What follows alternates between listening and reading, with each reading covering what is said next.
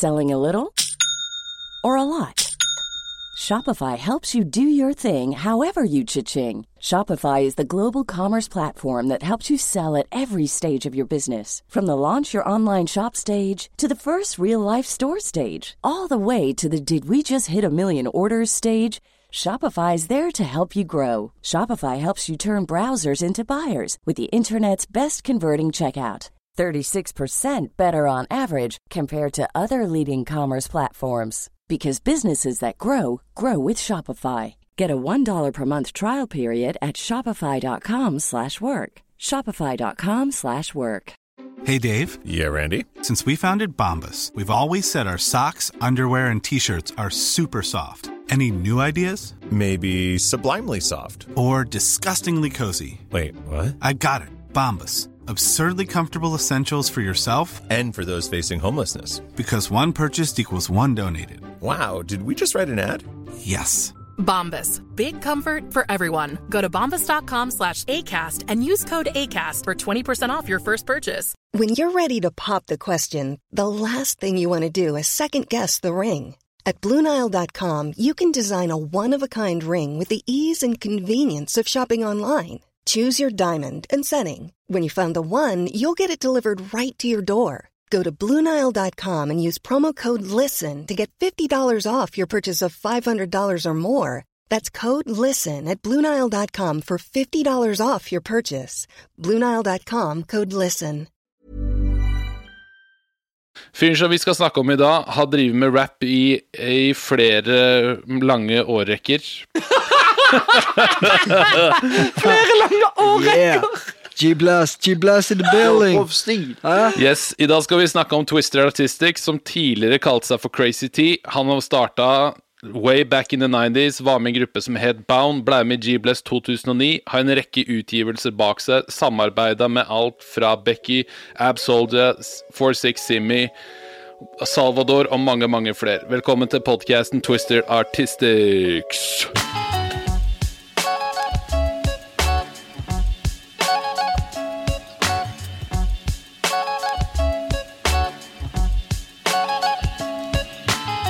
Yes, Er du spent, eller? Å snakke om karriere? Ja, du kaller det karriere? Ja, Så lenge som du holdt på, så hva annet skal du kalle det? Katalogen er tung. Uh, Tidsfordriv? ja, hobby. Er det sånn at jeg kan quote det nå? Ja. Bare for å komme med han, hans egne ord. Den Brønnøysundsregistrerte drømmen min er en vits. exactly. Det var godt sagt. ja, wow! Nesten som skulle sagt det sjøl. Men hvor var det hele greia starta, liksom, Tor? Uh, ja, jeg prøvde meg som rockevokalist i en alder av Jeg må ha vært ti-elleve år. Elleve-tolv, kanskje. Og så ble Åssen gikk det? Nei, det gikk ikke noe bra. Jeg ble sparka ut, for jeg kunne ikke synge. så de, de, bare sa ikke noe. De sa at gruppa var oppløst, men så så jeg at de spilte andre steder uh, uten meg. Så da tok jeg hintet og så skjønte jeg at jeg kan ikke synge, og så hadde jeg ikke råd til gitar. Og så, så ble det rapp etter hvert. Jeg har noen kompiser av meg som var veldig interessert i det. Og så drev vi og lånte masse skatefilmer med musikk på, og der var det mye rapp. Og så, ja kjøpte vi litt CD-er. Husker du, var det en, liksom en var det liksom en type spesiell låt eller video eller et eller annet som, som fikk deg til å sparke det i gang? Sikkert en Snoop Doggy Dogg-låt eller en DC Talk-låt. Men når du begynner, du er ca. 13 år, er det du sier? Ja, sikkert når jeg begynner å lefle med det sånn. Men jeg husker første gang jeg liksom sto på ei scene og rappa ordentlig Det var på Liv og Vekst, sånn her uh, Misjonsforbundets landsstevne i Grimstad. Så var det noen som så at jeg sto og nikka i takt til musikken og tenkte han der har takt. Og så tvang de meg til å rappe. Og så fikk jeg masse skryt for det, men jeg syntes det var superflaut og sånn. Har du skrevet det sjøl, da? Nei, du... det var Trond-Viggo Torgersen. Skatelåt. Det er gangster. Det er gangster. Ja. Jeg forestilte meg bare du står og rapper noe Snoop og greier deg på Liv og Vekst-misjon sammen. Det gjorde vi noen år etterpå. altså, men når, Så du første du rappa, det, da, det var den uh, rappelåta, men så etter hvert så gikk du over uh, til å lage egne ting. Starta du solo, eller starta du en gruppe, eller åssen var det det greiene der starta? Nei, det var en gjeng.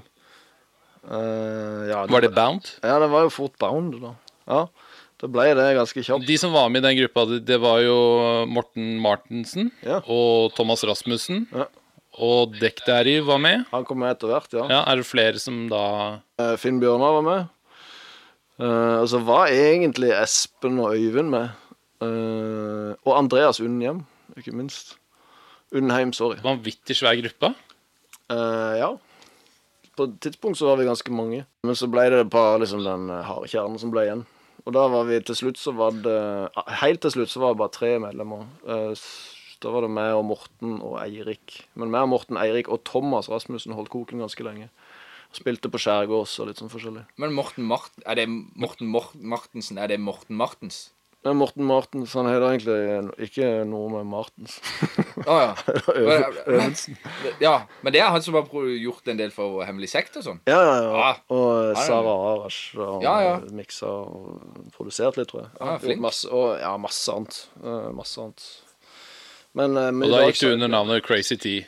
Uh, ja, det gjorde jeg. Var du ganske crazy på den tiden, Twiz? Eh, pff, Jeg vet ikke, ass. Det var en blanding av helt uh, utrolig dårlig sosialt og utagerende, og uh, veldig streit. Kognitivt var du eh, god og regulert i jeg hadde ikke- settinger. Ingen av oss som hadde så veldig god impulskontroll på den tida.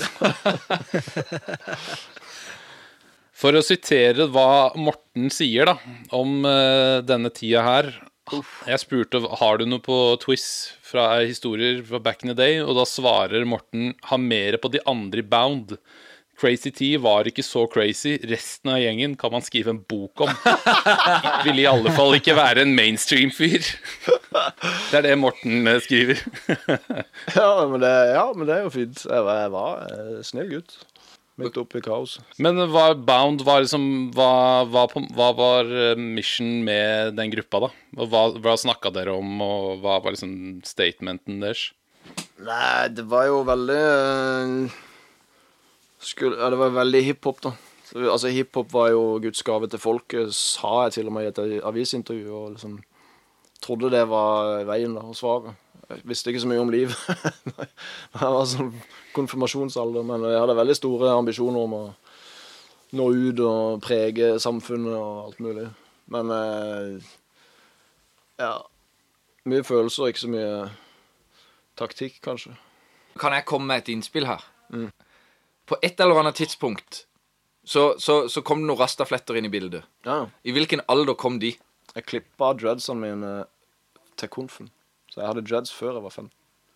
Før du var 15? Og så sparte jeg, og så fikk jeg ikke lov å ta dreads igjen før eh, min bror gifta seg. Og så tok jeg dreads, og så hadde jeg de i seks år eller noe. Fett.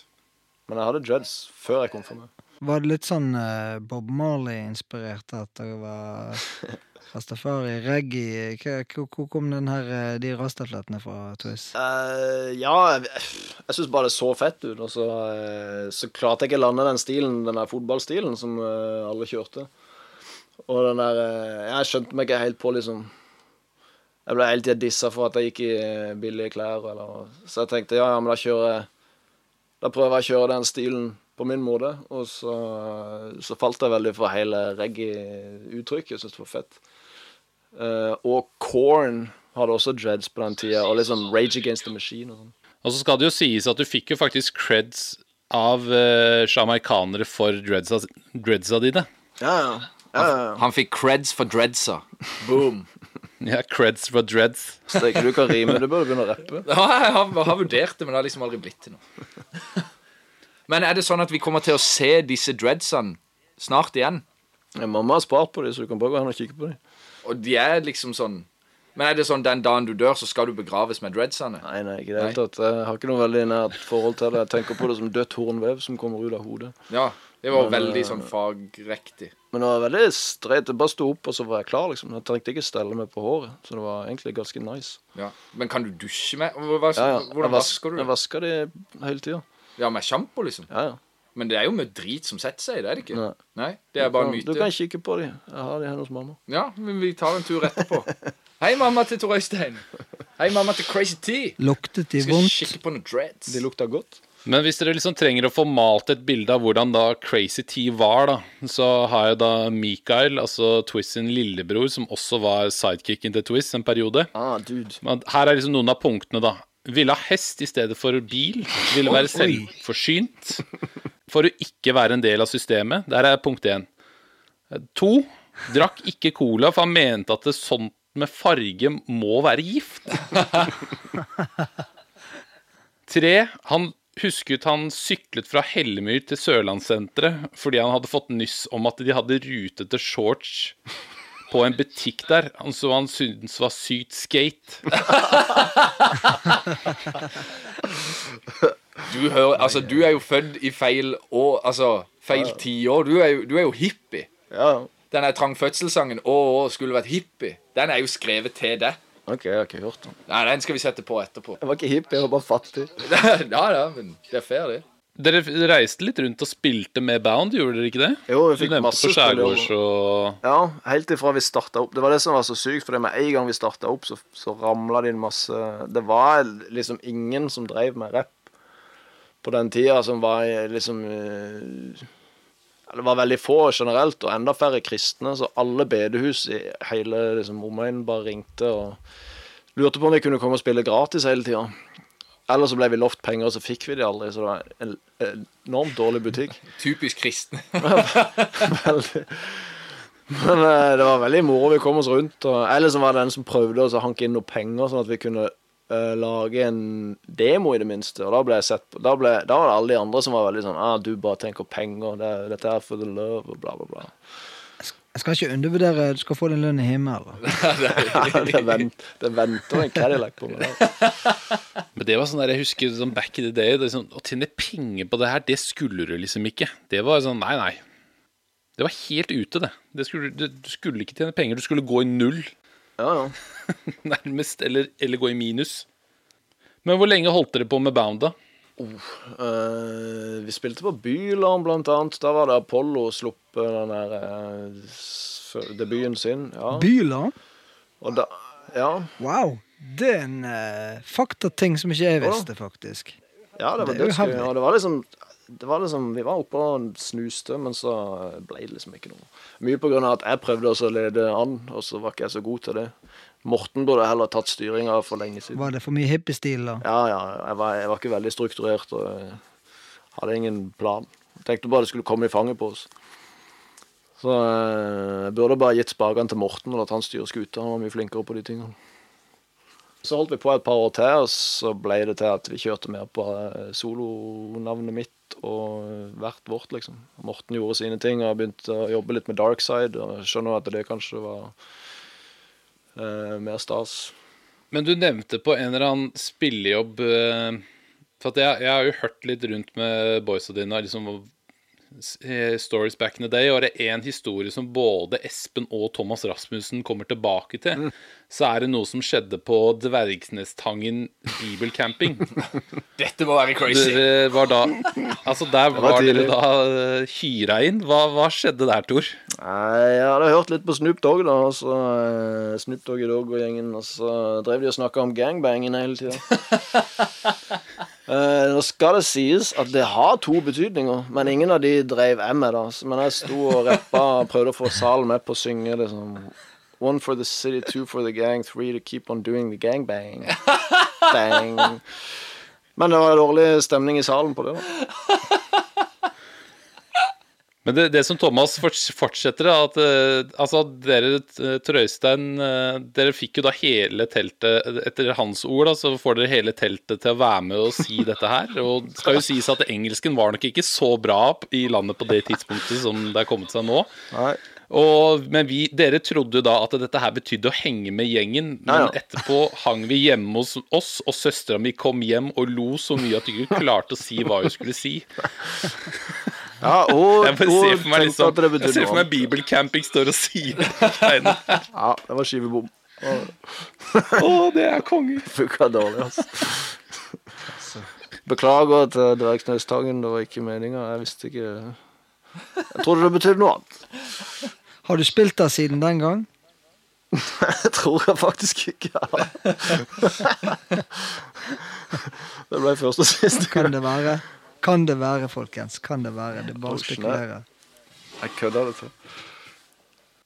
Men etter Bound-tida, da, var det da du begynte liksom å samarbeide litt også med, med Salvador fra Darkside?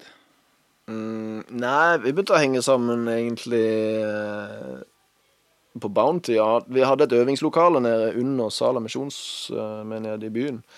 Så det ble et sånn samlingspunkt der Pete fra Handy var nede om en del, og Tor Even, som da var en del av gruppa Ord mot ord. Eh, og eh, en del av de folkene der, en DJ som heter AP og KP, noen tvillinger eh, som vi hang med. og Masse folk. Fahang, en fyr som eh, tok oss under vingene og lærte oss ting og tang. Og eh, ja, Pete var med Fresh in the Flesh, og de var nede der og spilte inn litt demoer og sånn sammen med oss. Og så var det oss i Bound, og så var det Salvador fra Darkside som var innom. Ja, for Pete nevnte da at de, de drev og crasha øvingslokalene deres hele tida. Jeg bare tenker litt tilbake, må jo ha vært ganske spesielt å vært i det rommet, da. Ja, jeg syns jo det var magisk på den tida, men eh, jeg er sikker på Når jeg hører opptak og sånn fra den tida, så Altså, Pete har alltid vært så fet. Og, og eh, Darkside gjorde jo tingen sin proff, liksom, men eh, resten av oss, vi var ganske lokete, altså. Men eh, jeg husker fortsatt mange av de linjene som de dro Fresh in the Flesh heter de Pete og så fetteren Stefan. De hadde fet stil allerede. Altså. De var så breiale og karsløpe. I penetrate minds like bullets through glass. All on my insufficient once I drop the map. Beautiful, get on perverted, twisted, sick shit. Ever since the fetus, my mind state has been wicked. Draped in Adidas. Han kalte seg for Pete 3000 fordi han var 1000 år foran alle andre. ja, den. to. Den er så fet. Og så har du Smart 9000 òg. Ja, ja de hang om en var mye tusen på det tallet, var ikke det? ja. Han ligger langt, langt foran Han igjen. het ikke det da. Da het han bare Petter Smart. Men jeg var inne i Oslo og hang med Evig poesi òg, ja. Eh, Originalbesetninga, da, vel å merke. Så Var det på den tiden de hadde den hiten eh, 'Drikke melk'? ja, ja. Rundt da. Det var stor landeplage, det. Det var det. Så det var ikke, det var ikke så veldig kred Det var ikke så mye kred her i byen når jeg liksom eh, spilte Drekka melk. De syntes ikke det var så kult. Her skulle det være hardt. Men men du er jo ikke bare, jo ikke bare lyricist, men du er, driver jo og produserer også. Hvor, når begynte du det, med det like tidlig som rappinga, eller kom det litt seinere? Ja, Det kom først på videregående, liksom, for da kjøpte jeg min første sampler. Som, jeg, som faktisk gikk an å produsere på. Så fikk jeg Ja, det var Salvador som viste meg. Kjøpte en Akai S900. Eh, Den står der. Og så Ja, til alle på podkasten som hører på, den står der. Ja, eller ikke den, men den samme. Der står den faktisk. og Den er gått i stykker. Så den. Men uansett. Så kjøpte jeg gamle Mac-en hans sin, og så begynte jeg å produsere litt uh, sampler fra vinyl. Og begynte å fikle med det. Og så etter hvert så fikk jeg meg en litt fetere Akai-maskin. Så ja, så gikk det slag i slag. Men sånn er det, det første liksom jeg hørte av eh, innspilt da, av deg, det var jo låta Pyrotechnics, som er fra 2004. Er det Salvador som har produsert den, er det ikke det? Jo, det kommer an på. Vi spilte inn, jeg spilte inn en i Danmark hos han. Når jeg var, mens han var studert i Kjøben, så var jeg innom og så spilte inn den. Den uh, kom ut som instrumental. så, det var jo et nikk. Eh, Ta hintet, takk, ja. så spilte han inn på nytt på Morten sin bit uh, seinere. Så jeg vet ikke hvilken du har hørt. Hvis han er litt sånn bråkete gitaraktig sak, så er det Morten sin. Den som jeg har hørt, det er der som er, den er ganske laidback, og så er det Salvador som uh, introduserer det. Ja, det, det er den Salva-versjonen. Ja. ja, den ble fin, den. Cock 'em out, PP head conversation going nowhere. From big-headed, glamour-infested pop idols to debate panels and channels that profit from televised gossip. Straight down to the subtitles as the line between politics and showbiz grows thin, accompanied by the jingles of apathy. Cock 'em out, PP head conversation going nowhere. Near famine and forgotten agony. For jeg tror jeg ikke har hørt den til Morten. Nei, ok. Nei, Den kom på en sånn her mixtape her, lokal mixtape som heter Game Over. Litt sånn forskjellig. Og det andre tidlig jeg hørte For det var når jeg ble kjent med deg, det her var jo da rundt i 2004. Da hadde du fortsatt dreads og sånt noe. Og låt nummer to jeg hørte av det, det var Bike Rider. Ja, Det er Morten som har produsert. Den er fet. Den syns jeg fortsatt er dritkult produsert. Bike rider. It's like falling off a bike. Ride the bike like gliding slide from side to side on some icicle on a bicycle top of my cause I'm cool like that.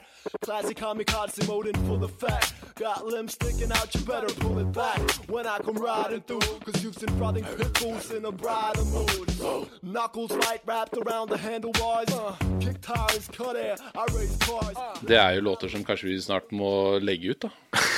Jeg satt og hørte på det nå for litt siden. Det, det holder stand, altså. Det gjør det. Ja, kult. Er litt sånn lyricist, miracle, lyrical miracle-stil, men eh, absolutt gøyal.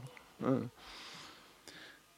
Men det er liksom de første utgivelsene, på en måte. Men er det de første utgivelsene du kom med, eller er det liksom den ordentlig første utgivelsen? Du har jo på en måte vært gjesteartist på ufattelig mange låter, men av din første utgivelse, er det de, eller er det Struggle, Feet Becky og Ab Soldier?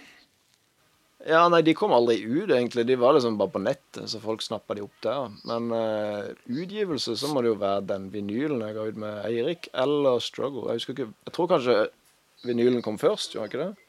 Var ikke Serenity den første du ga ut på G-Bless som en Den kom uh, seinere. Ok. Den kom seinere. Den Ja. kom etter Glimpse of the Stealth. Ja, det er kanskje det første som kom på Spotty, liksom, og på digitale plattformer. Det kan godt være. Stemmer, det var med det digitale. For den låta 'Struggle' som du hadde med Ab Soldier, den skøyter jo eh, Den har jo en historie, for der eh, Der reiste dere jo over dammen. Kan du ikke fortelle litt om eh, den opplevelsen der, Tor? Knekkebrød Nugatti. Jeg hadde med meg, hadde med meg fire flasker med halvannen liter med, med norsk vann. Og så en eh, par knekkebrødpakker og så en Nugatti. Bare sånn at jeg visste at jeg kunne holde blodsukkeret oppe til hver tid. Så jeg var alltid sånn Når jeg kom tilbake til hotellrommet, så knaska jeg det. Nei, det var heftig. Dritgøy. Eh, vi, jeg husker jeg søkte penger fra Kultiva, og så fikk jeg ikke en krone. da ble jeg superdritsur for det. Uh, men så reiste jeg over, og så var det egentlig Det var jo jobb, jobb, jobb hele, hele tida fra vi kom av, omtrent. Vi hadde jo ikke liksom Vi tok jo aldri en sånn her eh, turistrunde. jeg så jo aldri eh, Frihetsgudinnen eller noen ting. Men det var dødsgøy å på en måte komme inn i New York, under huden på New York, og, og være med Abody og se liksom åssen de levde, da, mer enn mer enn den turistpakka. Så det var absolutt moro. New York er så stort at jeg skjønte jo at liksom, hver bydel er jo en hel, eh, et helt land for sånn, så mye folk. Men, eh, men eh, det var utrolig gøy å være Og så hadde du det med. Neem the Dream også. Ja, jeg hadde med Neema. Neem the Dream var med òg. Ja. Jeg sov på rommet med han. Han er et fyrverkeri av en fyr, ass. Veldig moro. Kjeften går så sykt. Han har vokst opp på Slettheia og hele tida måtte være rappkjefta, så det merktes. Også når han ringte til folk fra New York, liksom, så plutselig så bare så kødda han med dem, og så la han om til sånn her uh, Yo, son, what's good, son? Og så begynte han å snakke sånn på telefonsvarerne sine og kødde og sånn. Men det funka. Jeg syntes det var gøy. Så det, han skjøt masse videoer. Det som litt sånn uh, fett å si der, da, Twist, er jo at eh, en av de som poserte i videoen der når vi var der over, det er jo eh, Han var jo med og produserte med de her eh, Han Dipset-produsenten Heatmakers. Ja. Wayne, Wayno. Han har produsert ja. for Shaggy og Chris Brown og Ja, Han og er faktisk Jennifer i videoen din. Lopez og sånn, tror jeg òg, faktisk. Hva sa du? Jeg tror han har produsert for Jennifer Lopez en remix og noe. Stemmer det. Stemmer ja, det. Og noe. Ja. ja, ja, absolutt. Han er jo dritgod.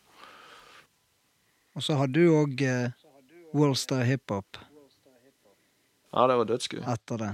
For det her er jo da når Worldstar er relativt nytt også, men det, det her er jo Det er ikke så veldig mange som kan si det nå lenger, men du hadde jo videoen din på MTV. Mm. Struggle-musikkvideoen. Den kom jo på MTV, faktisk. Ja, han hadde spins på norsk MTV, ja. Mm. Så. Jeg fikk aldri sett det sjøl, for jeg, MTV, jeg hadde ikke MTV sjøl på den tida. Men jeg hadde kompiser som liksom kom opp og sa hei, så fett. Ja, det var på den tiden det var mye promoarbeid på mail. Ja, det var ikke liksom. Instagram og Facebook i samme grad som det er i dag. Så det var jo eh, kanskje litt eh, annerledes å linke opp med folk på den tiden. Og så var jo òg MTV noe helt annet enn det det er det i dag, da. Det var, det var jo faktisk musikk. Så Ja, alle kudos Du og Rebecca gjorde en god figur der. Absolutt. ja. Og så var dere jo på Worldstar uh, hiphop-sida Da var jo den så å si veldig ny, var den ikke det? Men den hadde fortsatt Men den var Den var i hvert fall veldig Det var på en måte det var sida du ville komme på, hvis jeg husker riktig. Ja, den var papen. Det som slo meg liksom veldig på den tida, var kommentarfeltene og, og eh, alle de reaksjonene på at en, en eh, mørk og en hvit hadde gjort låt sammen. At det var en sånn stor greie. Og også litt det, at når vi var i New York, så det, det skillet der, og hvor segregert det samfunnet det, det slo meg veldig. Og det var litt sånn kjipt, på en måte. Å bare se at sånn, sånn funker det der så veldig. da. Og hvor, eh, hvor obs man må være hele tida i alle retninger. Og hvor, og hvor raus på en måte Ab var, som, som reacha ut med oss og gjorde låt med oss, og syntes det var kult. Og de gutta rundt han, liksom. Men også, også i klikken hans så merka jeg litt sånn tension på at liksom, er det du som rapper det verset? Jeg trodde ikke du var du, liksom. Og jeg skjønte underforstått at jeg, jeg trodde ikke du var hvit. Det er det jeg syns er fett med hiphop og rapp. Liksom. At, at, den kan, at den kan komme Ha en felles plattform. da Man kan komme fra alle mulige samfunnslag og, og, og nasjonaliteter og, og, snakke sammen. Og ha en felles plattform og en felles på en måte passion og lidenskap. Noe som er positivt. da det, det, som, det var egentlig det jeg falt for aller først når jeg begynte med rapp. At, eh, at man kunne ha en samtale da på kryss og tvers av så mye annet om, som er på en måte om, om, eh, om skarp i kantene, så allikevel lystbetont på et eller annet vis. Det er alltid et element av liksom, fest og moro.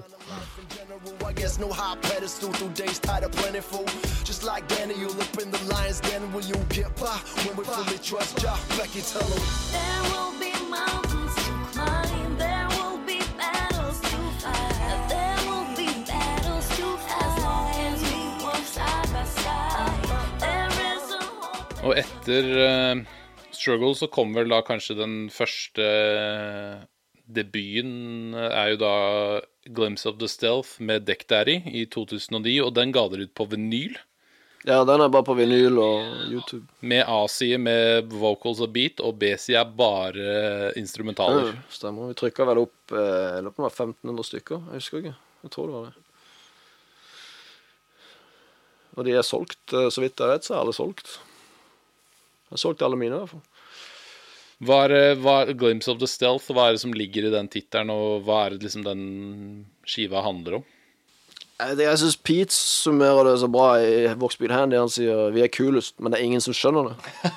Og da tar det liksom tyren ved hornene at nei, vi har ikke streams', og vi har ikke Jeg visste jo at jeg ikke Jeg var liksom en underdog, jeg var en ingen. Så det, det er bare et glimt av den skjulte, så det liksom akkurat som jeg gjør det med overlegg. Selv om eh, egentlig så kunne jeg godt hatt mer shine.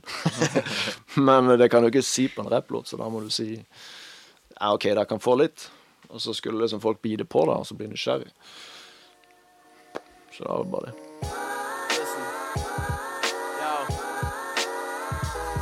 I got my eyes lifted towards the skies, asking for the Lord Christ to bless the youth of this day and age through the choice of life, to rise above commercialized sex and corporate lies, to rise above school nurses with poor advice, to stay truth no matter what pace and loot, do what educational systems have failed to do. Son, don't get too caught up in flirtation while you put your seed up in a girl that may murder your child. En liten sånn en kul ting der, da. Du hadde jo release eh, både her på, i sør og i Oslo med den eh, vinylen der, sant.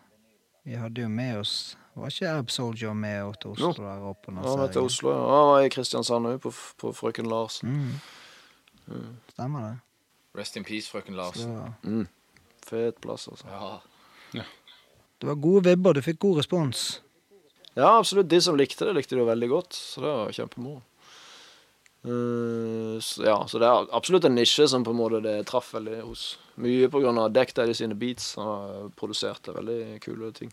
Teddy eh, fra ja, Terje Andersen, eh, le le legendarisk graffwriter fra Kristiansand.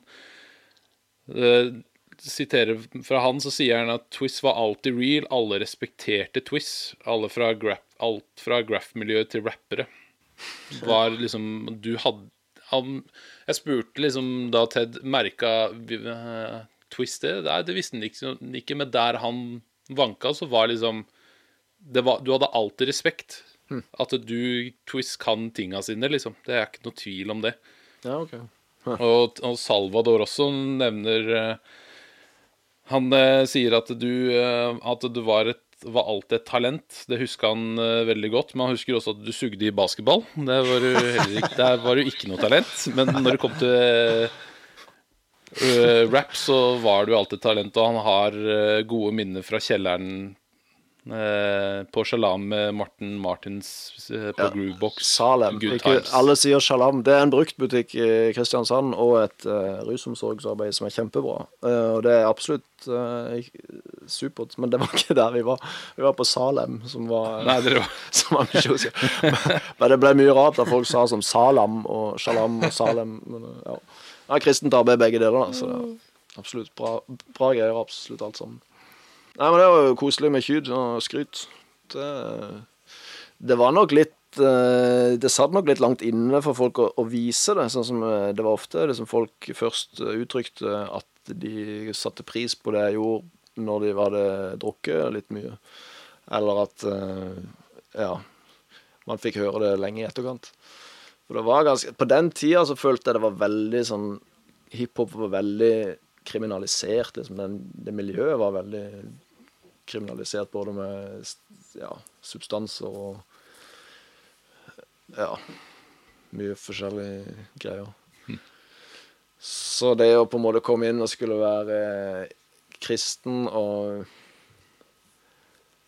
og stå for en del andre verdier. Og på en måte løssluppen sex og rus og tyveri og hærverk på en måte ikke kanskje var det Altså var en, Jeg var helt klart fascinert av alle de tingene, og særlig kanskje graffiti, som jeg syns var dødsfett. Og det, jeg hadde en sånn der, eh, og har fortsatt en sånn dobbelthet der jeg ser hvor teit det er. Jeg ser at eh, det er eh, dyrt for samfunnet, og det er tåpelig.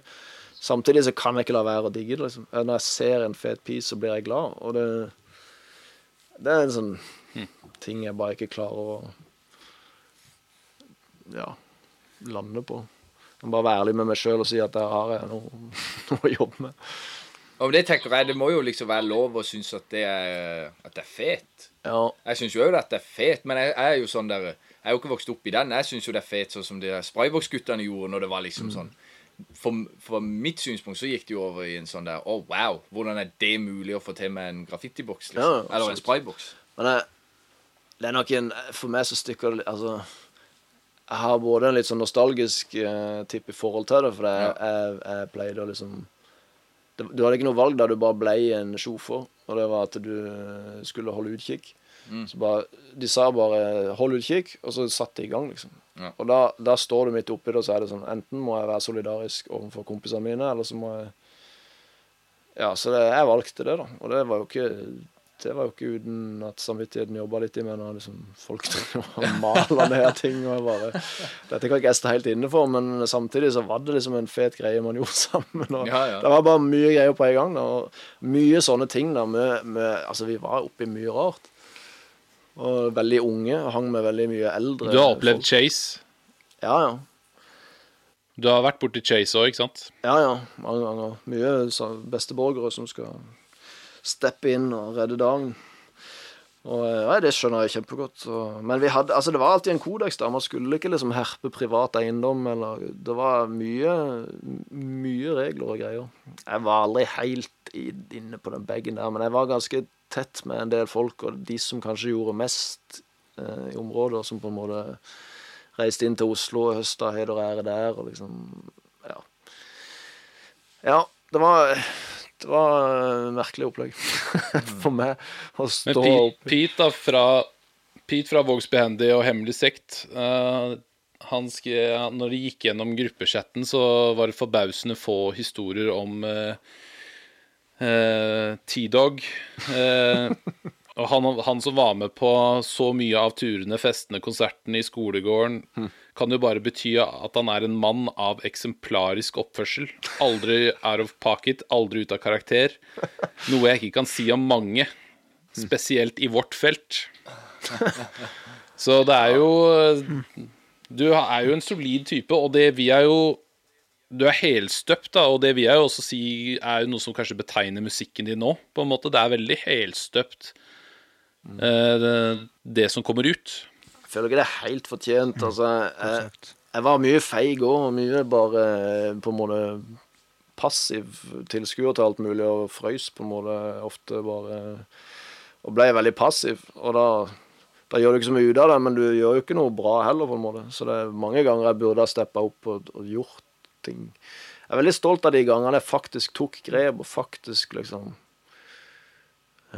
stakk huet Jeg hørte, gang, hørte om en eh, historie om du stoppa en knivstikking. Stemmer det? Nei, jeg så ikke den sjøl, men ja. Det har vært et par tilfeller der jeg har på en måte tatt folk ut av situasjoner. For det Jeg vet ikke, men min erfaring med rus og sånn er at veldig ofte så bare eskalerer ting når egentlig bare eh, partene kunne ha blitt fjerna fra hverandre. Så det var bare det jeg gjorde. Jeg så en kompis som jeg kjente, som eh, var tydelig på noe eh, sentralstimulerende, og så så jeg at det, det det ble veldig voldelig. Og på et tidspunkt så var det en som sto og hoppa på hodet til en og da klarte jeg ikke å bare stå og se på. Så imot liksom mine De jeg var med sin anbefaling, så reiv jeg meg bare løs, og så gikk jeg hen, og så så så jeg han jeg kjente inn i øynene og på en måte prøvde å møte han som en venn og si at eh, hva er det du holder på med for noe? Og så i ettertid så har jeg blitt fortalt at det var en kniv involvert, og det var på en måte godt jeg ikke så, kanskje. Uh, ja, det føltes ikke så dramatisk der og da. Men det er en del sånne anledninger der jeg på en måte Jeg vet at jeg har det verktøyet, og jeg har den erfaringa til at jeg kan bidra. Og da velger jeg ofte å gjøre det mer oftere enn kanskje folk rundt meg som er glad i meg, liker. Men, men også så har jeg hatt mine raptuser, liksom. Og kanskje særlig det vil jeg si altså.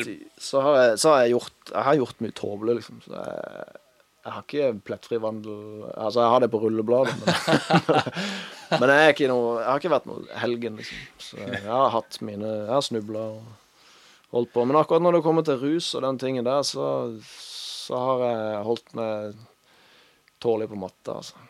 Ja. Og særlig på den tida som disse folkene snakker om, så, så var, der holdt jeg meg helt Men så er men sånn eh, i forhold til hvis vi går tilbake til musikken, så så er jo altså dine standpunkter og Det også blir jo veldig godt reflektert i låtene dine, vil jeg jo si. Sånn som den ene låta, 'Bike Rider', som jeg nevnte tidligere, det er jo en låt som, du, du, som er egentlig mot å drikke fordi at du da For at sånn at du kan sykle rett. Altså det er en avholdsantom på en måte, men du Ja, har det det, flippa det inn i en syk sykkellåt. Mm. På den tida var jeg totalavholds og var veldig Jeg var tenåringsarbeider i Salem, samme stedet som vi øvde, og, og var det 100% og var veldig klar på det at jeg var avholds og predikerte det. Og jeg, jeg trodde nok at jeg hadde veldig bibelske belegg for det. Jeg syns fortsatt det er det beste å gjøre, og det smarteste å gjøre. Og så Og så er jeg nok litt mer liberal eh, enn Og så har jeg måttet jobbe med meg sjøl òg, at eh, at eh, man må kjempe litt imot kjødet, og man må holde seg litt i skinnet. Altså, man må, man må ta aktive valg der òg, da. Man må faktisk uh, ta grep og ikke la ting skli ut. Så jeg måtte jobbe med meg sjøl i forhold til rus. Jeg har uh, Jeg slekter på folk som har vært alkoholikere og sånn, og det kan merkes. Så akkurat uh, der så må jeg så må jeg være bevisst og ha tatt noen grep. Mm. Jeg vil bare komme med eh, spørsmål, eh, Toris, i forhold til det med alkohol og rusen og sånt. Mm. I det miljøet du eh, var i, var det mange rundt deg som hadde utfordringer Ja, med absolutt. rusen? Som gjorde at det var vanskelig for deg å, å eh, ja, stå eh, rakrygget i det? Ja, altså vi var jo noen stykker som på en måte Jeg hadde alltid én eller to å lene meg på som ikke Som var helt avholds, på en måte. Og på den, vi var jo pur unge, så det vil jeg absolutt anbefale alle som er så unge, å være ekstremt forsiktig med Altså, vi så jo mye og åssen det gikk galt, og mye dumt som skjedde. Og det er bare sånn Det er bare sånn dårlig, dårlig ting å bruke tid og krefter på, og ikke minst penger og det var veldig mye hasj da, på den tida, og det var egentlig litt sånn at hvis du skulle være inne i, i, i hiphop-miljøet i Kristiansand så skulle du røyke hasj. Jeg ble liksom hengt ut for at jeg ikke gjorde det. Og hele tida med en vennskapelig tone. Ikke noe sånn, ikke noe jeg bærer noen lag for, men det, det var liksom uttalt at du vet ikke hva du snakker om, for du røyker ikke hasj. Det var på det viset der, liksom. Du er naiv, og du lever i ei boble, og du røyker ikke hasj engang. Eller, ja. Det var liksom Det ble sagt ganske tydelig, da. Eh, men, men det var nok en, u, u, en usunn fascinasjon fra min side til, til hele pakka, da. Jeg syns, jeg syns det, det gikk en stund før jeg skjønte at Snoop Dogg er egentlig ikke så annerledes enn de som sliter i parken, liksom. Det er bare det at han har pengene og glamouren. Han, liksom, han har glitteret på seg, men han, han er også ganske herja. Eller sånn. Det er ikke liksom Det er ikke så fett som det nødvendigvis blir malt som. Eller, ja. Og så er det ikke så farlig heller. Altså, tingen er at når vi hadde politiet på, eh, på besøk på skolen, og sånn, så fikk en inntrykk av at hvis du tok et trekk med hasj, så var du liksom med, fot, med en fot i grava. Og det tror jeg er en veldig uheldig ting, at folk tror det. Og så når de ser at du faktisk kan eh, røyke hasj eller ruse deg da, over lengre tid, og at det går helt greit, eh, tilsynelatende, eller at det Så virker det som at nei, men da hiver du alt på bagen. Ja, da er det ingenting stress, da. Da er det ikke noe problem. Men det er jo det. Altså, det har jo skadevirkninger. Du skader jo Altså, det er en, det er en gift, liksom. Det er en, det er en giftig substans. Det, det skader deg jo. Selvfølgelig. Og så går det an å balansere det, eller så kan noen Altså jeg, jeg tror man må male bildet så nyansert at det faktisk stemmer med virkeligheten, sånn at ungdommen ser at OK, sånn er det. I stedet for at man eh, driver en overdreven skremselspropaganda som folk forkaster, og så blir det plutselig ingenting verdt. Så det har vært veldig viktig for meg liksom å, å se nyansene i det. Men jeg, jeg tror jo absolutt at idealet er et avhold og avstå fra det. Et, eller i hvert fall ha andre ting som er viktigere enn de. Hvis det blir veldig viktig for deg, da tror jeg du er i lude. En opplever du å ha mer respekt for at du sto i det nå? Altså, altså Ja, ja. Du, du sto i det på den tiden der, og mens Mm. nå i senere år, og du kan se at det kanskje har gått litt galt med enkelte, og noen har klart seg bra, og, og Helt men føler du at uh, du har mer, fått mer respekt for at du sto for det du sto for på den tiden? Ja, altså, altså Det er veldig rart med de som var hardest på at jeg burde begynne å ruse meg, er de som på en måte syns det var uh, kjipest å se meg med en pils siden, liksom. Så det er nok noe uh, med at man sier én ting og tenker noe annet i Og så uh, så er det veldig mange av de jeg kjenner som har slutta med de forskjellige tingene, og som, som, ikke, som ikke er der lenger. sant? Så det, folk vokser jo opp. Så, og sjøl er jeg forferdelig glad for at jeg ikke på en måte møtte mange av de utfordringene jeg sto i i tenårene mens jeg var rusa. Veldig glad for at jeg var liksom klar i hodet oppi veldig mange av de situasjonene jeg var i. Mm. Nei, jeg tenker liksom mye av det du sitter og prater om, er jo også ting som blir blir gjenfortelt i mange av låtene, da. Eh, Det er på en måte i eksempel låta All Is Vanity med Black Philly fra, fra USA, eller Sugar Coded Lies. Eh, altså, det er mye av disse tinga som går igjen, da. Og det er jo du liksom, Det er så funny med deg, for du er sånn Vi vil lage noe som er litt sånn party og good times, men det blir alltid under serious, på en måte. Ja, jeg prøver å lage partylåt nå. Jeg, jeg, jeg, er så utrolig stuck. Jeg vet liksom Det er egentlig det jeg ønsker, da, å, å, å gjøre folk glad. Men så er det Det er faktisk utrolig utfordrende å skulle oppmuntre. Det er utrolig vanskelig.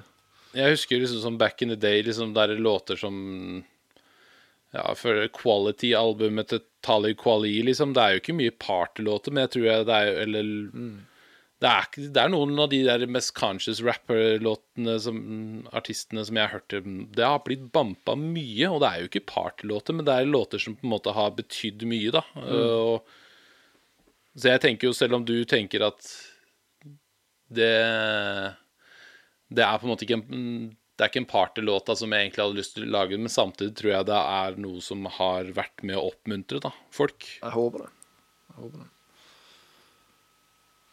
Mm. Daddy har jo Han er jo en du har samarbeida egentlig veldig lenge med fra liksom Bound til den utgivelsen og senere. Og han er vel også your best man? Ja, han er forlover, var forlover for meg i bryllupet, og jeg var forlover for han. Jeg hadde veldig mange jeg kunne ha valgt som jeg, som jeg er veldig glad i, men det var allikevel et naturlig valg å velge han, og det sa jeg også i bryllupstalen, eh, husker jeg. Han er bare Altså, fra han Når jeg ble kjent med han, så var jo han en vasekopp. Men fra han på en måte Ja, for han var DJ-en vår. Og så husker jeg liksom veldig mange i, i menigheter som sa at du må dere må bli kvitt han, for han er ikke kredo, liksom. Han er ikke kristen. Og jeg, i min oppvekst og på en måte tenkte at ja, OK, de har sikkert rett. Men så klart, jeg fikk meg ikke til å jeg fikk meg ikke til å gjøre det, for det var noe i meg som bare reiv veldig i meg. Og jeg skjønte i ettertid at jeg, jeg er en veldig sånn av natur en, en, en diplomattype som liker å bygge broer mellom forskjellige uh, miljøer, og på en måte har fått en del undervisning på det i kristne sammenhenger, at, uh, at vi er viktige, vi, og vi trengs. Og det er veldig behagelig for meg å vite nå. Men da bare handla jeg ut ifra det som føltes rett. Og da, da sa jeg nei, fella, eller vi kjører en bønnekampanje for dekk, liksom. Og sa til de andre guttene i gruppa at vi, vi begynner å be hardt for han, liksom. Eh, og så kom han plutselig på skolen med et stort krusifiks, og så syntes jeg det var litt sånn blasfemisk, liksom. Hvorfor har han kjøpt det med, med sånn Jesusfigur på? liksom. Bare, Dude, det er, så, det er ikke så fett å kødde med, liksom. Men så fikk jeg plutselig høre fra noen av de andre at han var seriøs på det, liksom. Så han gikk med et svært kors for å vise liksom at nå, nå er han credo. Og siden da så har han bare vært en sånn der klippe eh, for meg som jeg kan støtte meg til i de tingene, og som Han er bare så eh, beinsolid og En liten fun fact med det korset, var ikke det også en lighter? Jo, det var det. Og det var jo med en bismak når han trykka på ene sida, så kom det en flamme i andre enden, og så røykte han. Og så, ja. Men eh, ja, okay. det var en start. ja. Stemmer det. Men det, altså, de, du gikk i den der kampanjen da for, eh, for dekk og Var det tjenings, eller kom det, Nei, det var- seinere? Og hva Nei, var, var, tjenings før, for noe? Men, eh, det var lenge før. Det var, det var i Bound, på en måte. Tjenings var eh, Det var noe jeg fikk for meg at eh, jeg hadde så mange rundt meg som på en måte hadde en gudstro, og som, eh, som egentlig lengta veldig etter eh, Hva er ordet jeg leter etter? En Fellesskap? eller fellesskap, ja. De lengta veldig etter et fellesskap, men alltid når jeg prøvde å dra disse folkene inn i kirka, så følte de seg veldig utafor. De, lukta gjerne rus fra dagen før. De hadde nerver, de var gjerne uh, veldig utepass med å komme inn der hvor alle tilsynelatende har alt på stell. Alle er superstrigla og perfekte og vellykka. Uh, så jeg, jeg syns bare det var så kjipt at hver gang jeg tok det inn der, så, så fikk de aldri liksom føle det. De fikk bare føle på Så jeg tenkte hva med Jeg vil ta kirka til de. Og kirka da, ikke som i et bygg, men som i det jeg virkelig føler at kirka er ment til å representere, og som ikke vi kristne alltid klarer å, å leve ut, men det som, er, det som er i mitt hjerte føler at dette er det verden trenger, og det er det mennesker trenger å høre om. og det er det... Så jeg tok det med ut til, til folk, og så var det veldig vanskelig å få samla liksom, folk, tenkte jeg. Hvordan skal jeg få dette til? Og så kom jeg liksom hjem ifra Jeg hadde fått alle disse ideene og tankene på et eh, på et stevne jeg var på, på en måte bedt mye rundt det. Så kommer jeg hjem, og så er det plutselig en eh, god kompis av meg som heter Roger, som jeg treffer på Lund, og som kjører rundt, og så blæster eh, Flekkerøy-guttene på full gnu. Fiske, fiske for min mester, tror jeg det var. Som bare er det mest sånn urkristne liksom, du kan Sørlandsbedehuskristne du kan finne, da. Så bare Hva skjer her? Litt samme som jeg. Jeg har hva, er det hva er det som skjer her for noe? Er det humor, liksom? Og så han bare 'Jeg digger denne låta'. Og så har han liksom fått Han var en av de som på en måte har vokst opp kristen og alltid bekjent seg som kristen. og sagt at han elsker Jesus, men som på en måte kanskje ikke hadde levd eh, helt sånn, da. Og så var han plutselig supergira på Jesus, eller hva du skal si. så da tok jeg han og Teddy, Teddy òg, liksom, og Thomas Rasmussen bare Det hadde vært bra å komme sammen og be, sa de liksom, etter at jeg hadde fått dratt i meg i Salem en gang. Så bare ja, ja, ja, ja, det er jo akkurat det jeg vil. Så da samla jeg den gjengen, og så begynte vi å be. Og så en del, del andre i miljøet som var med. Kanskje ikke alle har lyst til å vedkjenne seg, jeg vet ikke hvor mange jeg skal name-droppe av de, men, eh, men veldig mange av de eh, som var med der, gjorde et, en slags snuoperasjon rundt den tida. Nå skal jeg ikke si at det var takket være Tjenings, men det var absolutt en god plass for de å, å gå noen runder med seg sjøl og se litt på livet sitt og hva de liksom hadde lyst til å gjøre. Og litt sånn fellesnevner for alle ble liksom at vi hadde en passion for hiphop og likte gjerne musikken eller en eller annen del av den hiphop-pakka med graffiti, eller, eller om de bare likte weed. Så, så ble, det, ble det jo kanskje et samlepunkt. da. Eh, så da var det veldig mange som var innom. Veldig mange folk som jeg aldri hadde sett for meg at jeg skulle sitte i en bønnesirkel med, som satt og ba liksom om det de hadde på hjertet. Det står jo det står jo i Guds ord at Guds ord kommer aldri tomhendt tilbake, så du vet jo ikke hva du har Når dere var med og så den tida. Det snublet jo òg inn en bergenser der. Det snublet òg inn en som Jeg tok det med hjem til deg, husker jeg. For det, vi snakka sammen, så sa jeg kan vi komme til deg i Arendal og ha det hjemme hos deg. Stemmer. Uh, og da Vidar var jo med inn der eh, en periode. Og, Smidig, ja. mm. Du vet, jeg hadde jo ikke noe Jeg hadde jo fått en eh, brann da jeg begynte på Ansgar bibelskole, og så husker jeg bare du og Deck Daddy så dere eh, rundt i Markens i gatene der, og han med den der enorme bjørneluen sin og det svære korset og Jeg tenkte de der to gutta der eh, Jeg tenkte liksom Jeg hadde vært på konsert og sett dere da. Jeg tror òg Sec Second Act òg var der og spilte på den der eh, nede i eh, byen der. Kafé Jabes, ja. tenkte shit, de der Hæ? Kafé Jabes. Ja, stemmer det. Og så tenkte de gutta der, shit, de der virker cocky. Men jeg husker da jeg kom inn på Tjenings og, og ble bedre kjent med dere. Sant? For jeg følte meg som den undervurderte skalla bergenseren og, som hadde kjærlighet for hiphop. Men det var liksom, det å komme inn i det miljøet, det var jo noe som eh, skapte et eh, broderskap eh, som gjorde at vi Jeg kan jo huske at det var veldig mye fokus på det der eh, å be for hverandre og, og på en måte heie hverandre fram. Um, og du har jo òg eh, Raymond som driver eh, Brooks mm. dansestudio, Ray. Og, og Rikard som drev med breaking. Sant? Så du hadde jo hele Du hadde både DJs, du hadde graffitiartister, du hadde breakere, du hadde rappere og produsenter. Så det ble, det ble, det det ble jo skapt et miljø der Absolutt. som hvor mange eh, fikk utvikle sine talenter Mm. i tillegg. Absolutt. Ved at eh, vi begynte å jobbe litt på kryss og tvers. Ja, det var gode tider. Jeg var en periode litt bekymra for at det skulle kollapse i en eneste stor rusorgie. For vi hadde en del litt sånn eh, sketchy tenåringer som på en måte var veldig unge, og en del mer erfarne eh, som, ja, som var vant til rus. Hadde òg annet en innom som, som tok overdose, og som vi mista.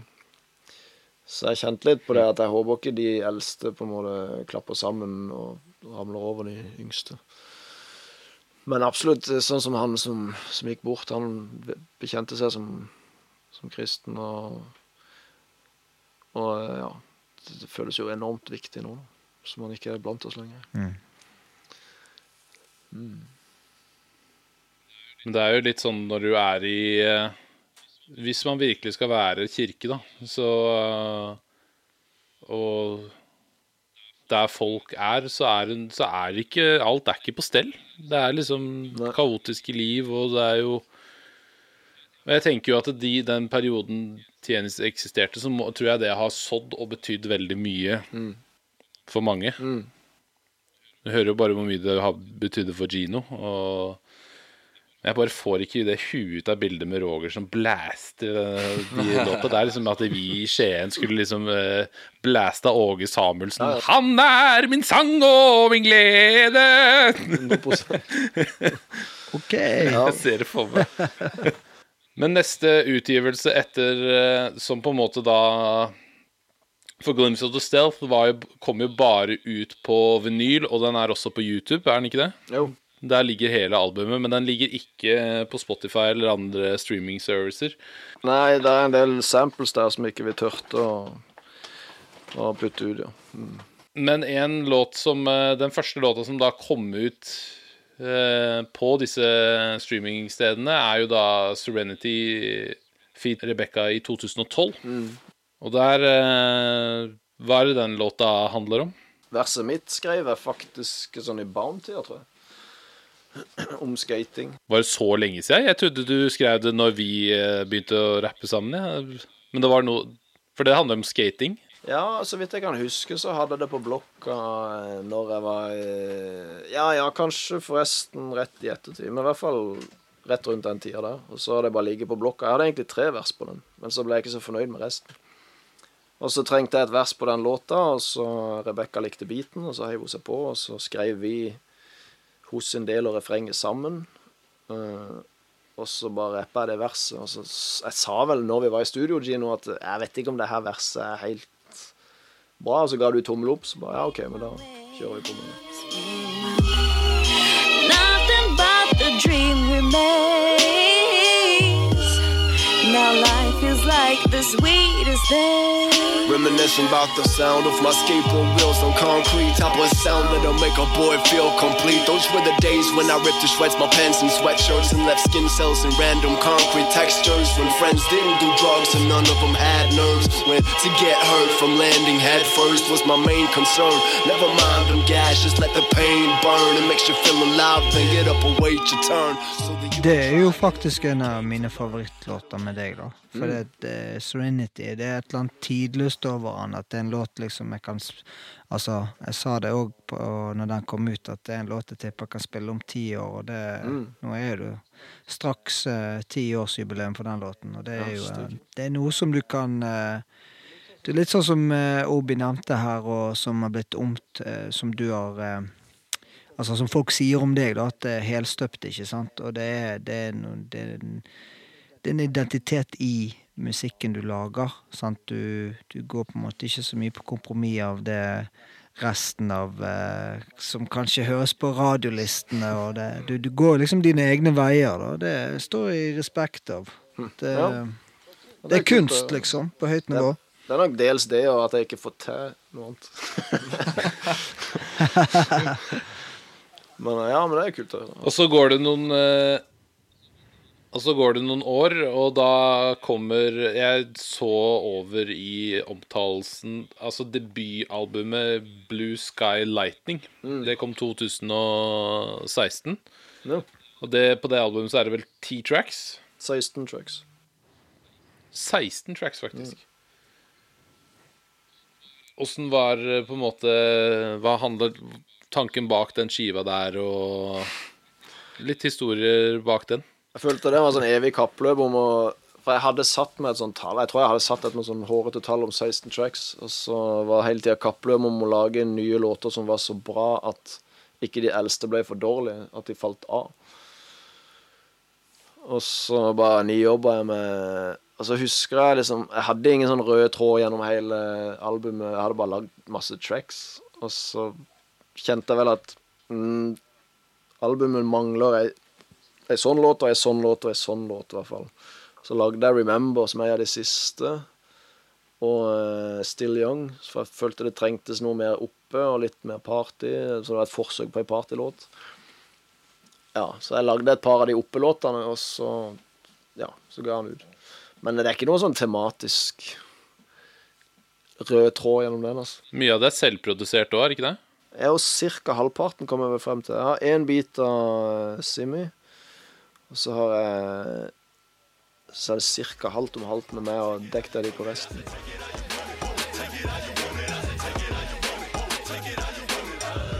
Twisted Artistics, make sure you spell it right. Got all my people with me, yeah, I'm feeling swell tonight. Floating on air like I was hovering when televised. Get off your ass and look alive, jiggle your cellulite. Okay, you're well, alright. Åssen var responsen på den skiva? Nei, det var jo ikke sånn at millionene rulla inn, akkurat. det var akkurat Jeg traff vel akkurat på når alle var akkurat litt slitne. Og jeg var ikke så veldig god på promobiten og hadde egentlig brent av alle pengene på mix og master og tenkte at det holder med et godt produkt.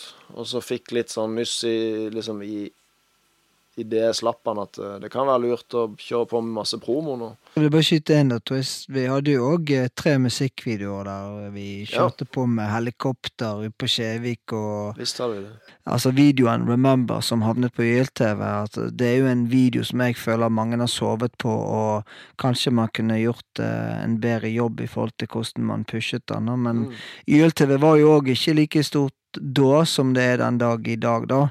Eh, som vi kjenner til. Men eh, jeg vil jo si at den musikkvideoen som er så gjennomført med Du hadde med et kor der som er med og klapper og synger, og du har, vi har Helikopter, Det var, det var mye mye fleksing der. Absolutt. Det var dødsgøy. Og jeg husker jeg var veldig ydmyk og takknemlig på slutten av dagen når vi hadde skutt den eh, i spraybokshallen der, og vi satt på en kafé og liksom slappa av.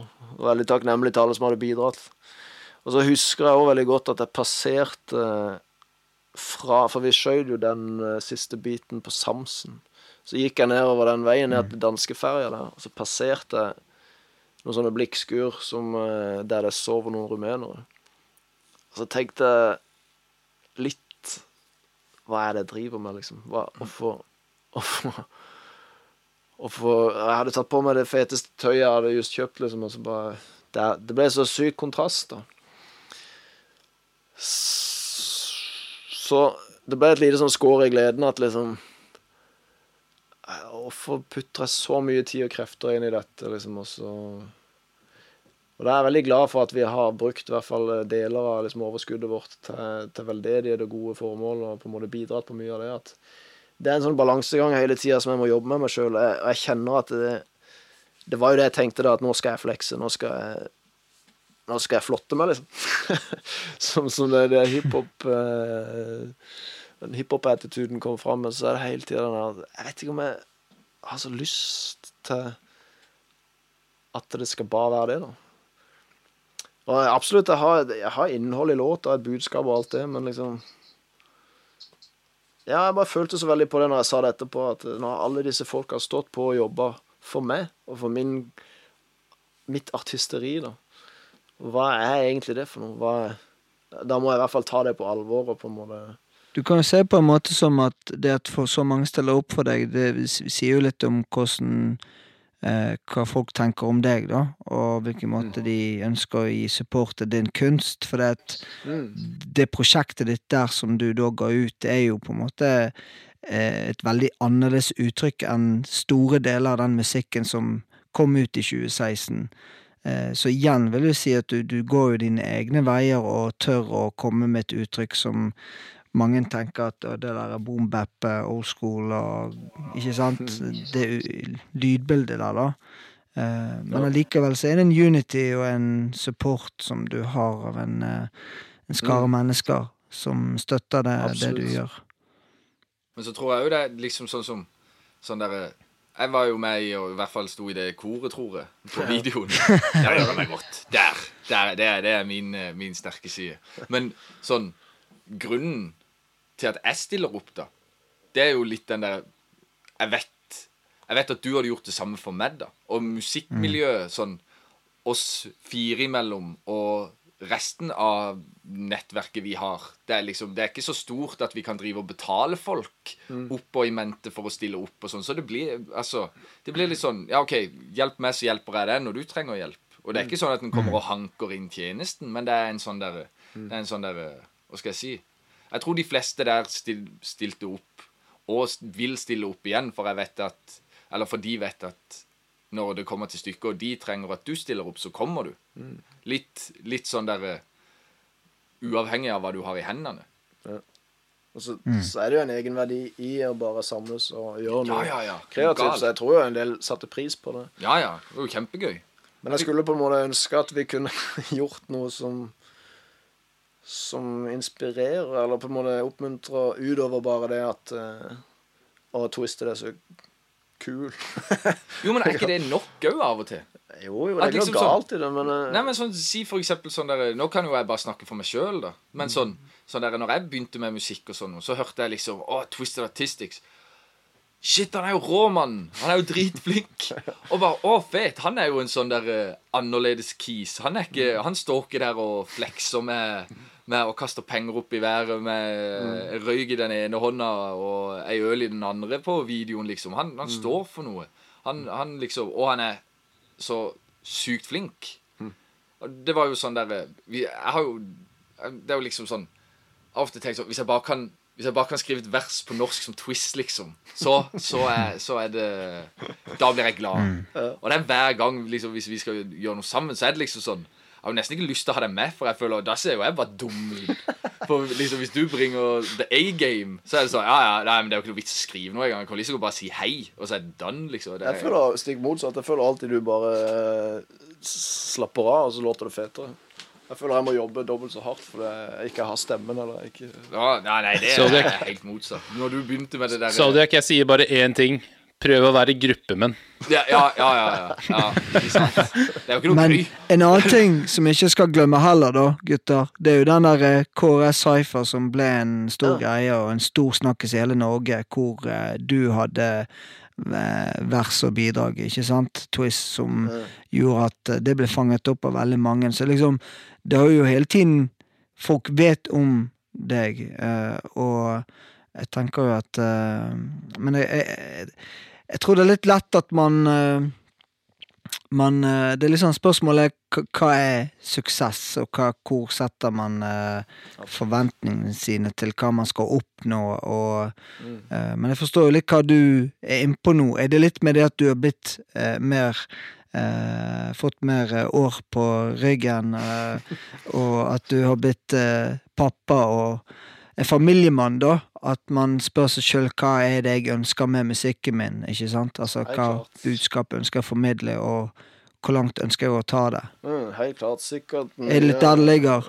Sikkert mye av det, og, og at man liksom oppdager at man har en eller annen kime til noe usunt i seg. hvor man har, altså Denne sjølforherligelsen ligger jo rett under overflata hele tida.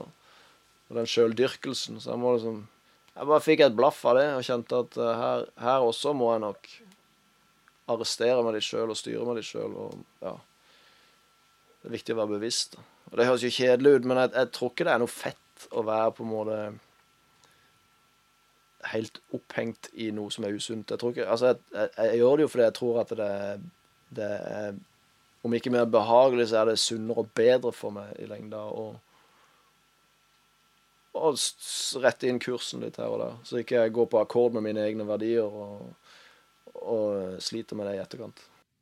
Men de som ikke har hørt albumet ditt, da, hva er som eh, Hvilke topics har du Altså, hva, hva, hva handler låten om, ikke sant? Altså, det er jo litt sånn interessant, det, å høre hva Hva er det du formidler, og hva er det du mener du kan gjøre annerledes?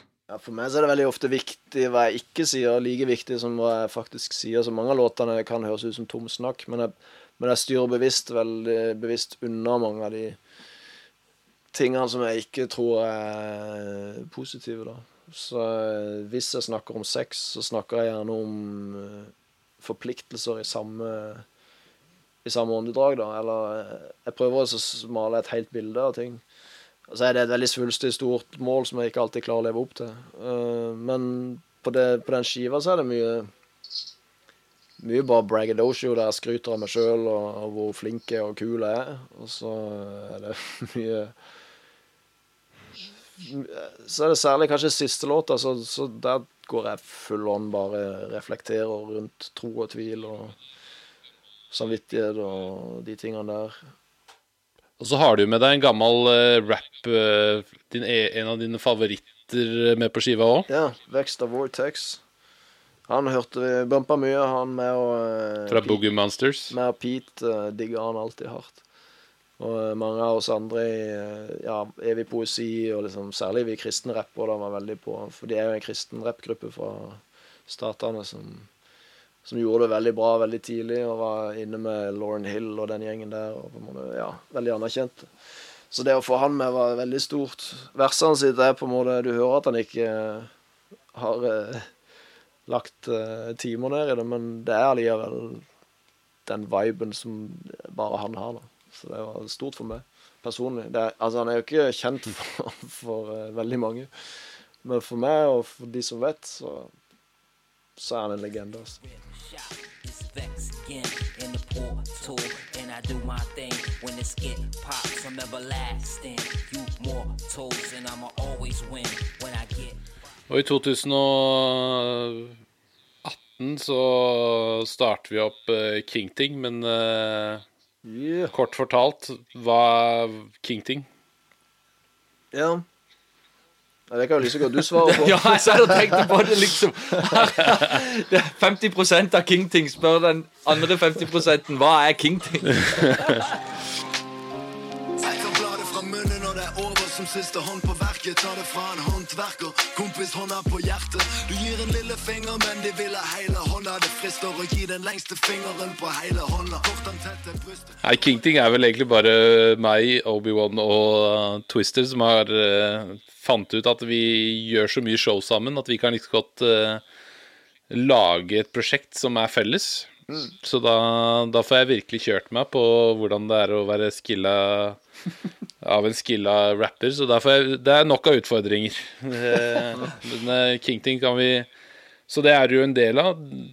Eh, og så har du jo i 2020 så kom du jo ikke ut bare med én singel, men du kom jo ut med to. Gjorde du ikke det? Jo, det var faktisk. Eh, Take You There og Ready.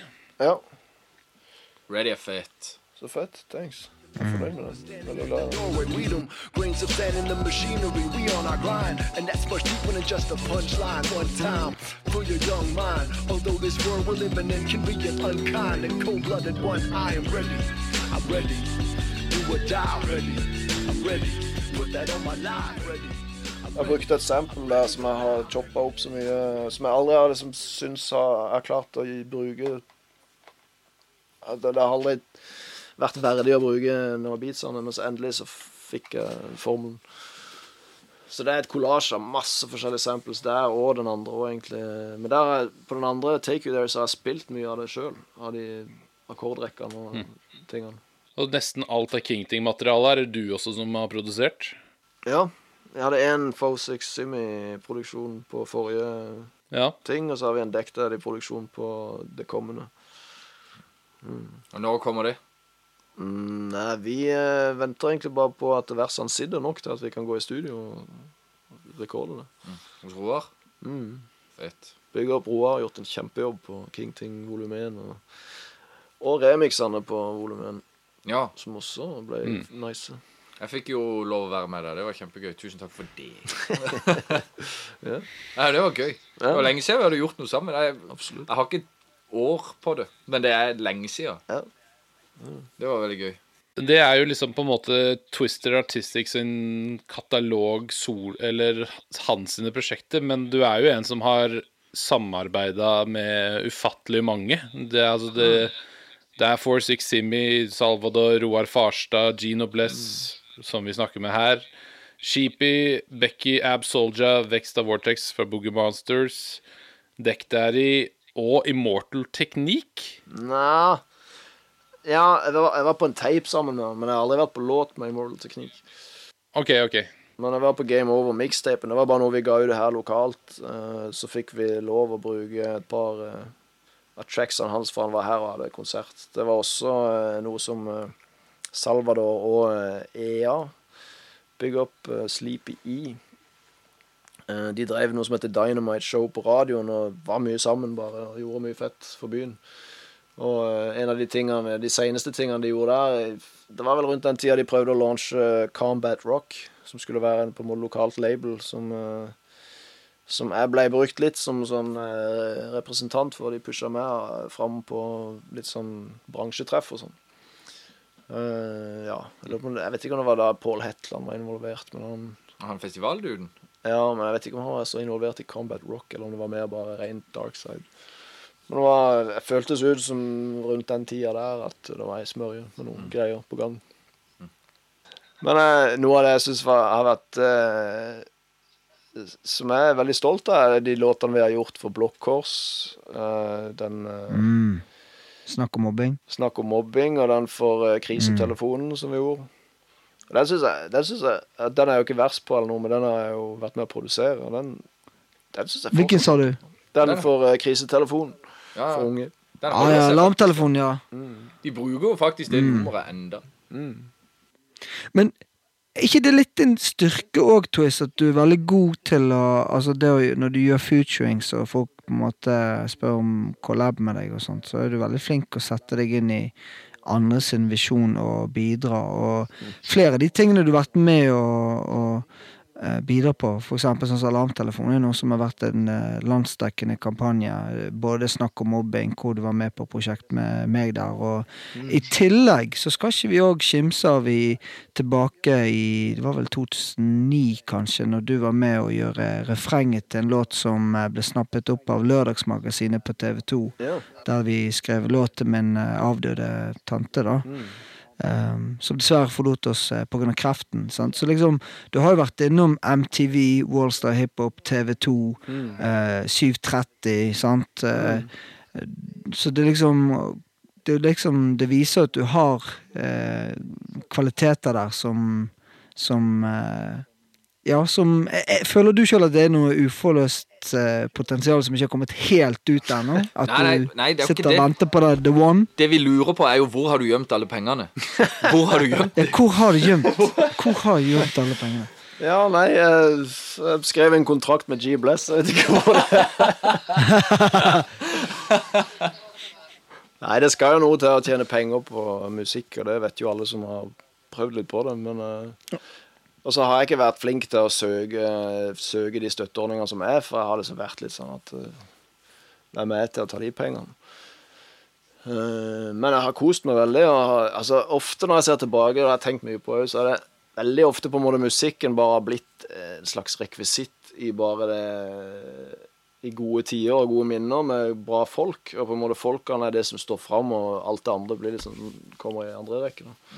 Så jeg, setter veldig pris på det fellesskapet vi har hatt i G Bless. og alle mulige JNS i Oslo og Evig Poesi-folka og Darkside og alle disse folka. De er liksom Jeg er mer stolt av at jeg har At de er vennene mine, enn at, enn at jeg har gjort musikk med dem, kanskje. Men jeg har et spørsmål. Mm. Et spørsmål. Det er hva, er hva er de favorittlinjer du har skrevet? Som jeg har skrevet. Ja. Uff. Ja, Det er vanskelig, altså. Ja, du har ikke så mye tid, jo. Du kan ikke det, må du, det må du jo ha på sparket. Twist, jeg er snekker, jeg har spenn. Ja, Beist i båsen. Den var det JNS som skrev. Ja, for den skulle egentlig være Nei, det passer seg ikke. Svømmetak i Mordor, da. Ja, ja. Den linjen der er Det skal stå på drøy. gravsteinen din. Svømmetak i Mordor.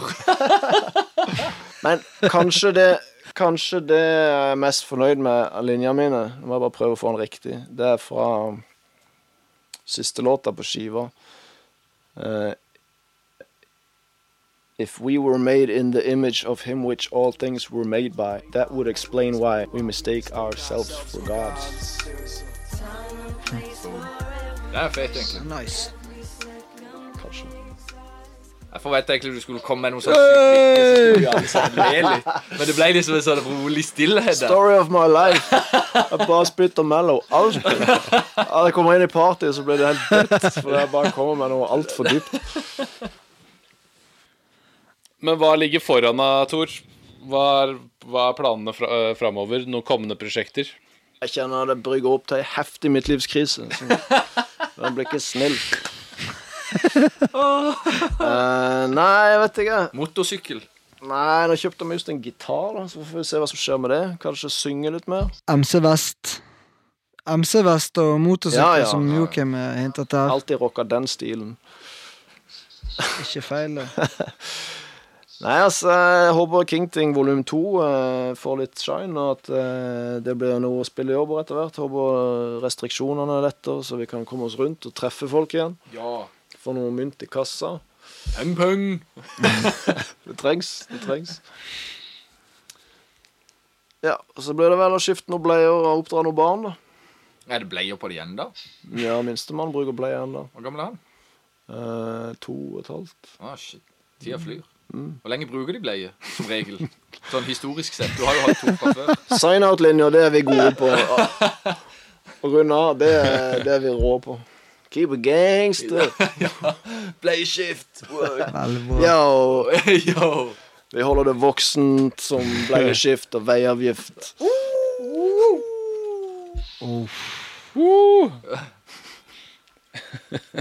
Var det det siste vi ga oss med? Nei, jeg vet ikke om Jeg vet ikke om det er noe, noe, om det er noe du vil oppsummere, eller var eh, Om du vil si noe om eh, Hvor lenge kommer du til å drive med rap? Til de drar meg ut etter mailene.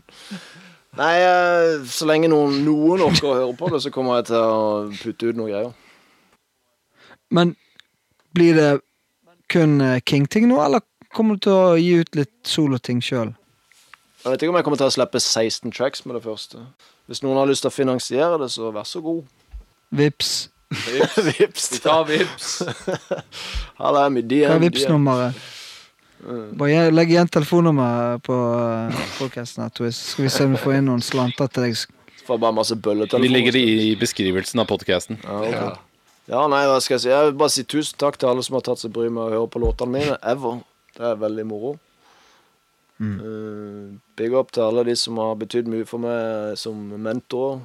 Big up for Hank, Pete, Salvador. Alle som bare har gitt meg five. Takk til Aslak, som gidder å høre på låtene mine og gi meg feedback. Takk til Mikael, min bror, som jeg har klimpra på gitar med. As. Pappa, som alltid har vist meg masse god musikk. Rest in peace. Ja, jeg vet ikke hva jeg skal si. ass. G-Bless-gjengen, JNS, Tedstad og alle de du har snakka med. Boom. Yeah. yeah. Fett.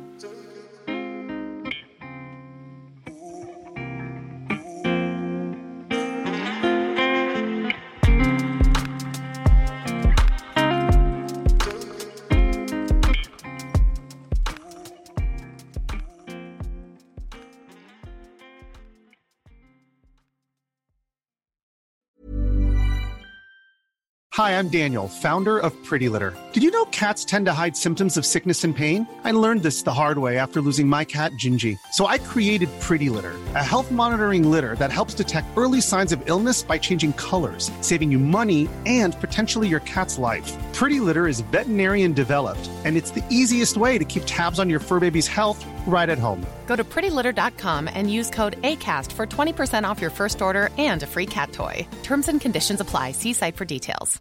Hey, it's Paige DeSorbo from Giggly Squad. High quality fashion without the price tag. Say hello to Quince. I'm snagging high-end essentials like cozy cashmere sweaters, sleek leather jackets, fine jewelry, and so much more. With Quince being 50 to 80% less than similar brands.